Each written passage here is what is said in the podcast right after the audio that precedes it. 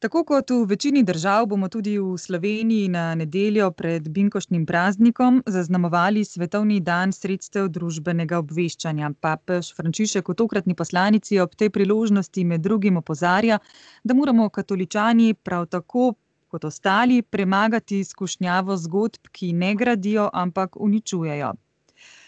Poklicali smo intelektualca, dr. Žigoturka, poznavalca sodobnih tehnologij, ki se je na ravni Evropske unije med drugim posebej ukvarjal s tako imenovanimi lažnimi novicami. Že kar nekaj časa lahko na svetovnem spletu beremo tudi njegova razmišljanja o medijih v Sloveniji in aktualnih razmerah v naši državi. Doktor Turk, lepo pozdravljeni. Dober dan tudi vam. Papež Frančišek ob svetovnem dnevu sredstev družbenega obveščanja razmišlja predvsem o duhovni dimenziji pripovedovanja zgodb. Prav možnosti pripovedovanja zgodb so ena značilnosti spletnih platform, ki so vse večja konkurenca klasičnim medijem, torej tisku, radiu, televiziji. Doktor Turk, katere so glavne prednosti in slabosti enih in drugih? popolnoma prav imate, ko pravite, da gre za pripovedovanje zgodb oziroma da gre za to, da so naša življenja sestavljena iz nekih, bom rekel, drobnih dogodkov, ki postanejo smiselni oziroma ki lahko postanejo del neke celote, ki jo razumemo šele takrat, ko jih povežemo v zgodbo. In seveda te zgodbe do neke mere si pišemo, razmišljamo o njih sami, do neke mere nam jih kreirajo, ustvarjajo, servirajo mediji. zdaj se res dogaja ena velika sprememba na tem področju, pravzaprav odkar se je pojavil internet, mediji dobivajo neko pomembno konkurenco, tako kot vse ostale, vsa ostala področja človekovega delovanja, ki so imela namen izmenjevati informacije oziroma povezovati ljudi, so tudi mediji pod udarom, interneta. v nekem smislu na boljše, v nekem smislu na slabše. Tisto, kar je bila prednost starega medijskega, sistema, kjer se je bilo treba boriti za kvadratne centimetre časopisnih stolpcev oziroma za sekunde na tistih nekaj televizijskih oziroma radijskih kanalov, prednost tega je bila ta, da je, bom rekel, sama, samo pomanjkanje teh virov, kvadratnih centimetrov oziroma sekund sililo k čiščenju kvalitete oziroma sililo k enemu zelo, napornemu, skrbnemu urednikovanju, kjer so bili do, teh medijskih trenutkov dopuščeni, upajmo, ne, najkvalitetnejši, najkvalitetnejše zgodbe, najkvalitetnejše misli, ljudje, ki imajo največ, za povedati. v demokracijah je bilo gotovo tako, v režimih, ki so bili, avtoritarni, so seveda imeli dostop do medijev samo, tisti, ki so, zagovarjali oziroma hvalili režim. Na internetu pa pride do, medijskega prostora pravzaprav vsak. to je slabo v smislu nekega povprečnega nivoja, tega, kar lahko tam preberemo, je pa dobro v smislu, da se sestavlja neki bistveno večji mozaik, različnih mnenj oziroma različnih, različnih pogledov in seveda vsak sam, vsak bralec, vsak, konzument teh vsebin, si lahko ureja, izbira, išče stvari, ki so kvalitetne ali niso, torej imamo nekaj manj pomoči urednikov, bolj odgovorno, bolj pametno moramo stvari, bolj odgovorno moramo stvari konzumirati, sami. Torej se klasični mediji in spletne platforme lahko lepo dopolnjujejo?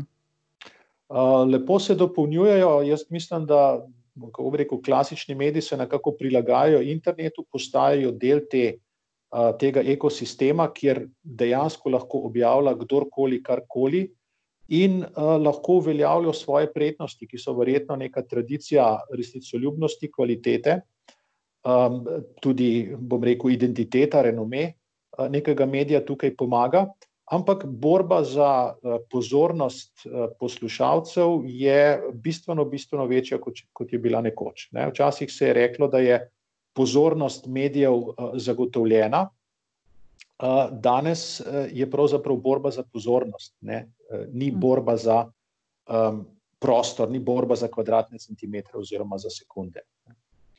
Pa smo uporabniki sploh dovolj zreli, doktor Turk, da znamo slediti kakovosti in, kar je najpomembneje, resnici? Um, pogosta, pogost izgovor za to, da bi morali medije na internetu močneje kontrolirati, uh, morda jih celo omejevati ali cenzurirati, je, da uporabniki nismo sposobni pravilno izbirati, pravilno odločati, kaj bomo brali in česa ne. ne. Skratka, da bi moral nekdo namesto nas odločati, da so neke stvari, ki so vredne branja, in neke druge stvari, ki niso vredne branja. V uh, trdi obliki to prihaja na plano v obliki neke cenzure oziroma nekih poskusov urejanja interneta. Uh, v blažji obliki to prihaja na dan v smislu tega, da bi bilo treba uporabnike bolj izobraževati, da bi bili bolj informacijsko pismeni.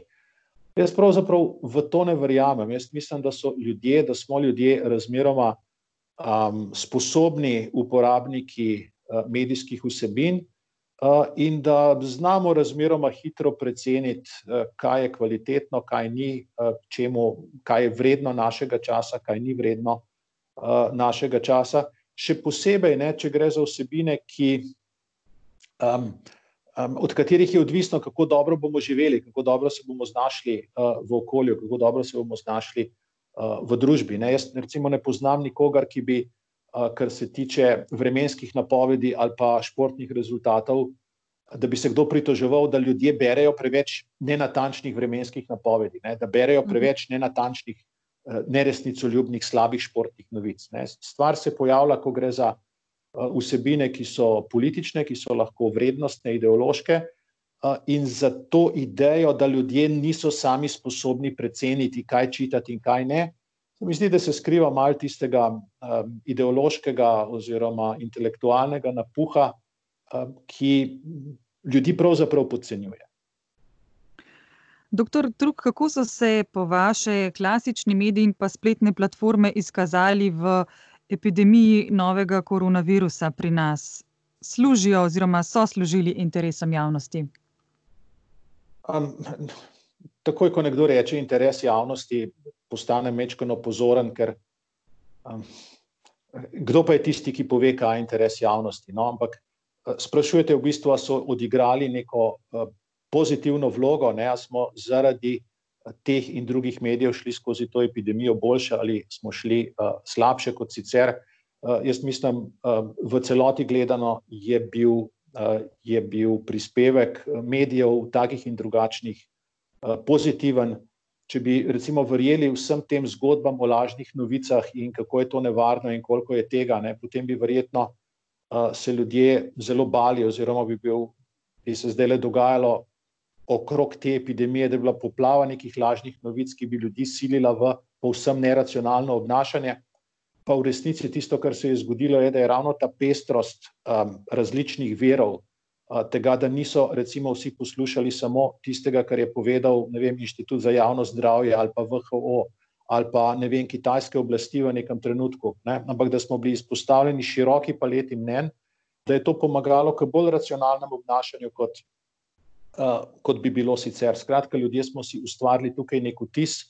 Um, pravzaprav se je v marsikakšni državi uh, civilna javnost oziroma javnost na internetu zbudila prej kot odločevalci uh, in so neko ti kasneje odreagirali oziroma na pritisk javnosti, ki je bila boljše obveščena, uh, so, reagira, so reagirali v zvezi z to epidemijo.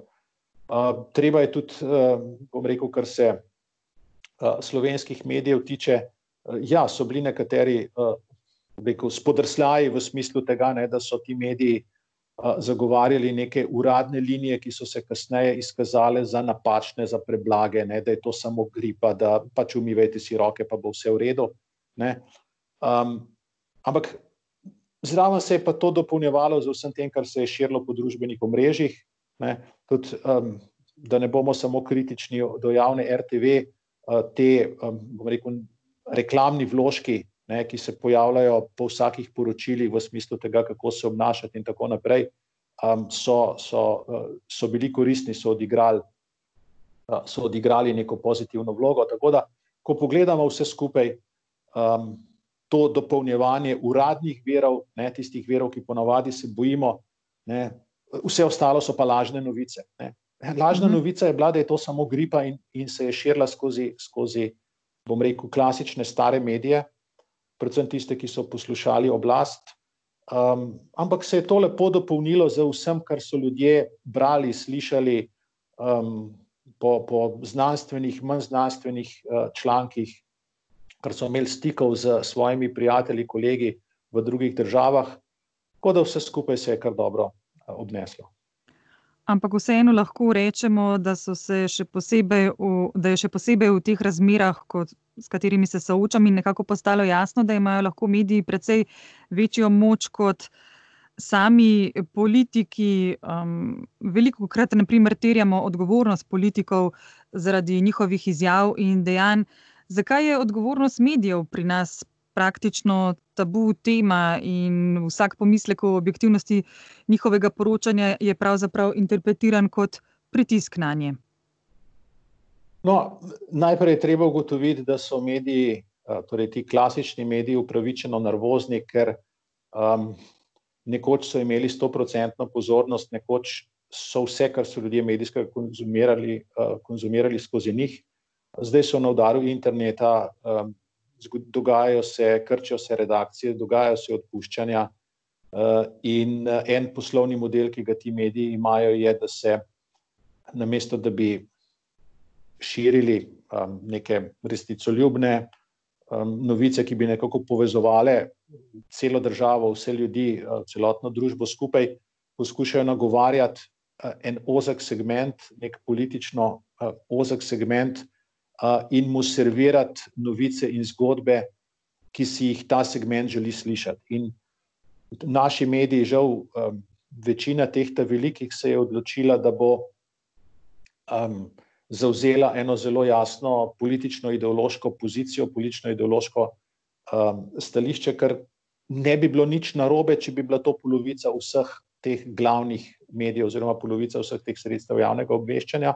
Težava nastane, ko so to še vendarle, vendarle tisti, ki polnijo večino tega, teh kvadratnih metrov časopisov oziroma, kvadra, oziroma minutaže na televiziji in radiju, in ostane zunaj tega samo, um, bom rekel, tisto, kar je na pol medij, se pravi internet, pa neki, bom rekel, novi mediji, gverilski mediji uh, in tako naprej. Tako da v tem smislu, um, če bi pogledali samo ta segment, je zgodba nekaj manj pozitivna.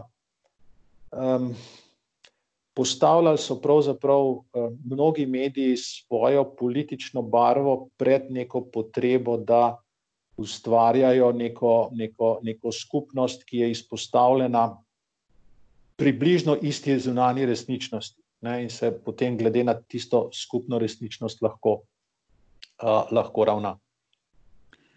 Je torej mogoče potegniti tudi usporednice med smerjo, v katero je nagnjena sodobna medijska krajina pri nas, in pa neuravnoteženim položajem političnih silnic v Sloveniji? Imate morda, doktor Turk, tudi vi občutek, da se je v zadnjih dveh mesecih, odkar je na oblasti vlada Janeza Janše, v velikem delu množičnih medijev popolnoma zamenjal način poročanja o poziciji in opoziciji?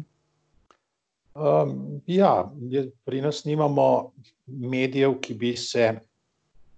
Um, Ki bi, ki bi sami sebe razumeli kot nekoga, ki nadzoruje oblast, ne, ampak so to mediji, ki so uh, psi čuvaji določene politike, ne, oziroma varujejo eno politiko, en del političnega prostora pred drugim, sodelujejo pravzaprav kot opredeljena uh, stran v, tej, v tem političnem uh, spopadu, uh, niso, skratka, niso neutralni opazovalec, niso neutralni agent, niso um, nepristranski. Ne. Ti mediji dosti krat pravijo, uh, ja, nam, nam morate pustiti, da smo neodvisni. Ne. Neodvisnost medijev. Um, Je čisto v redu, ne? to pomeni, da pač se noben ne sme v to vtikati. Jaz nimam popolnoma nič proti neodvisnosti medijev, Ampak oni rečejo, da, da so neodvisni, želijo, da bi ljudje razumeli, da so nepristranski, kar pa absolutno ne drži. Ne. Seveda so pristranski, um, navijajo za, um, kako bi rekel, v, v, pomagajo levemu delu političnega prostora, Ker ponavljam, ne bi bilo nič narobe, če bi bilo to polovica ali pa ne vem, dve tretjini vseh medijev, ena tretjina teh glavnih medijev bi pa uh, bila pristranska v drugo smer. Ampak uh, pač nimamo te situacije, nimamo uravnoteženega medijskega prostora. Uh, zelo daleč smo od tega, tudi v zahodnih družbah so mediji nekoliko rajši na strani levičarskih, naprednih uh, in takih sil, ampak tako velikanske razlike v korist levega pola kot pri nas, pa mislim, da skoraj nikjer v svetu, mogoče v Venezueli, Severni Koreji, na Kubi, ampak druge na svetu pa, pa tega ne bi našli. Ne. Je pa težava v tem, ker tudi tisti, ki smo izpostavljeni, ki spremljamo druge medije, nekako smatramo, ne, tista zgodba, to, kar je, ne bom rekel, da je res, ampak to, kar verjame Slovenija, da je res. Ne? Je pa tisto, kar povesta RTV Slovenija, pa Pop TV uh, ob sedmih zvečer na poročili. Uh -huh. uh, in to ustvarja, bom rekel, neko konstrukcijo realnosti, ki ni ne resnicoljubna, ne uravnotežena. Ne? Če bi vsak od teh dveh imel neko drugo zgodbo, bi imeli pač dve zgodbi, znotraj katerih bi se ljudje čisto lepo znašli in bi rekli, da je malo bolj levo, te malo bolj desno. Tako pa vse skupaj visi, ne da bi večina opazovalcev oziroma nas, ki živimo v tem prostoru, ne da bi se tega, da stvar visi, prav zavedala. Kakšna pa je, doktor Turk, po vaši oceni vloga medijev pri protivladnih protestih, ki se že lep čas kljub epidemiji novega koronavirusa vrstijo ob petkih? No, protesti so pravzaprav najlepši dokaz, da je v Sloveniji demokracija, da ni, bom rekel, nobene diktature, nobenega kršenja človekovih pravic in tako naprej. To je demokratična svoboščina, uh, ki je na razpolago kritike uh, te vlade po, bom rekel, sredstvih javnega obveščanja. Seveda tečejo nemoteno, te kritike so še bolj Eh, besne v eh, družabnih oziroma družbenih medijih, eh, tečejo lepo naprej. Skratka, vsi dokazi so, vsi indici so, da Slovenija ostaja demokratična država s svobodo govora, s svobodo gibanja um, in tako naprej. Ne. Zdaj, jaz sem se danes pohecal, pa mislim, da je nekaj resnice v tem hecu. Ne, ni slučajno, da so, ti, da so ta kolesarjenja ob petkih, ne, ob četrtkih zvečer se naspidirajo ljudje z nekimi bom rekel, za neko, za neko tožbo in sodbo, ki se zgodi v oddaji Tarča, ne, in potem uh, se, ta energija, se ta energija prenese na pedala.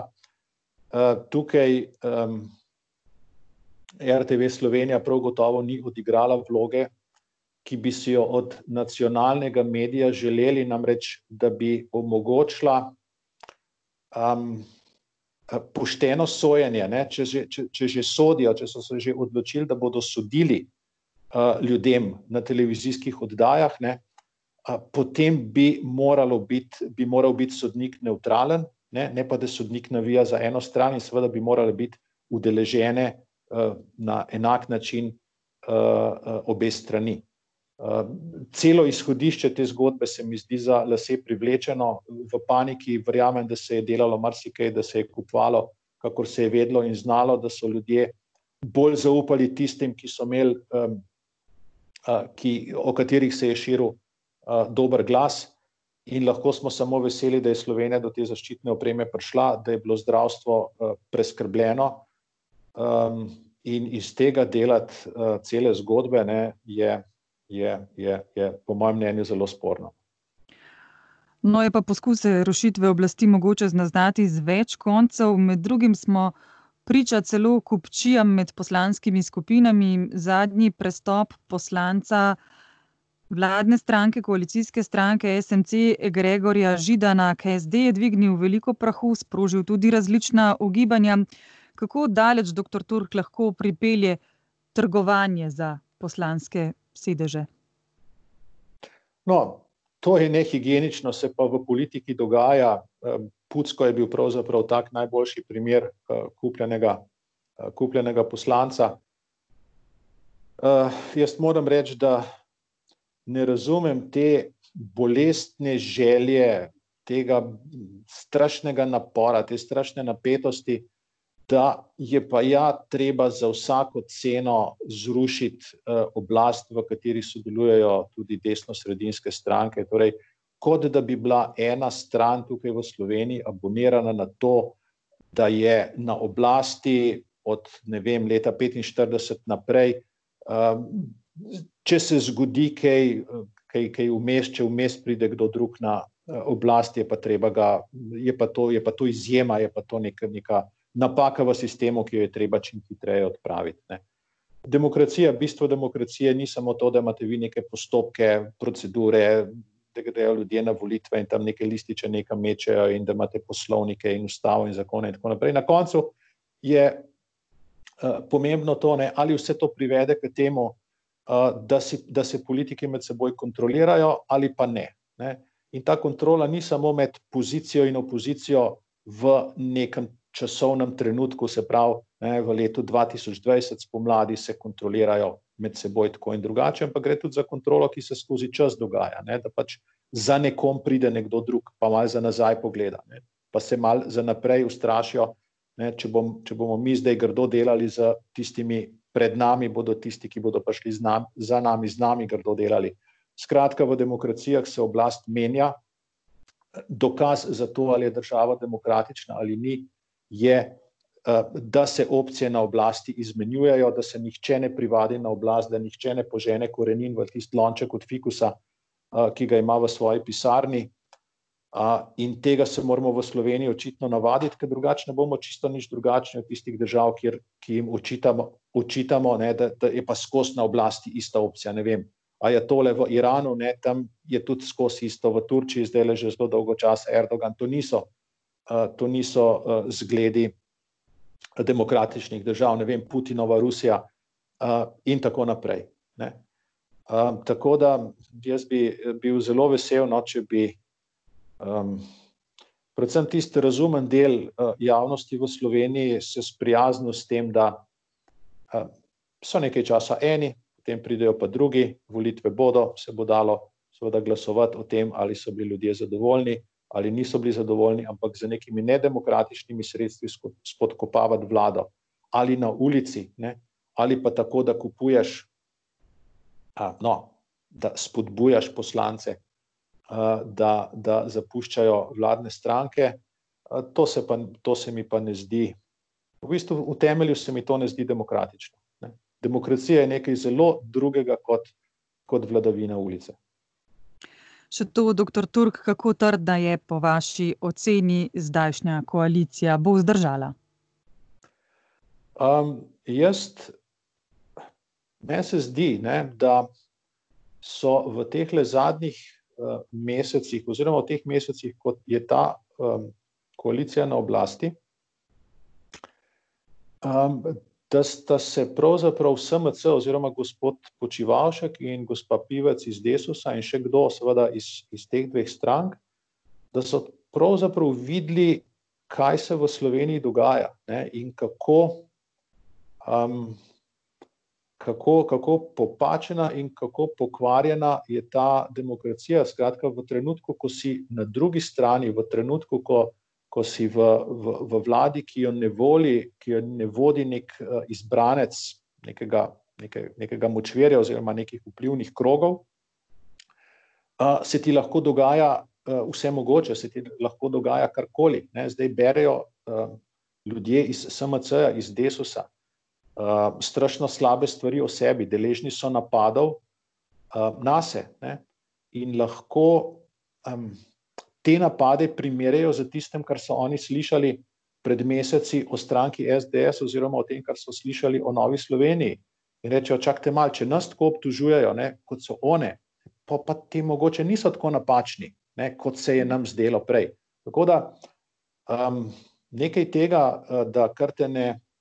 Uh, ubije, ne, te naredi močnejšega, se dogaja s temi napadi, predvsem s temi napadi na stranko SMC in Desus, ki mislim, da se zavedata, um, kako vplivna je ta, kako vplivni so ti krogi, ki so v Sloveniji navajeni postavljati oblast oziroma postavljati tudi uredništva sredstev javnega obveščanja.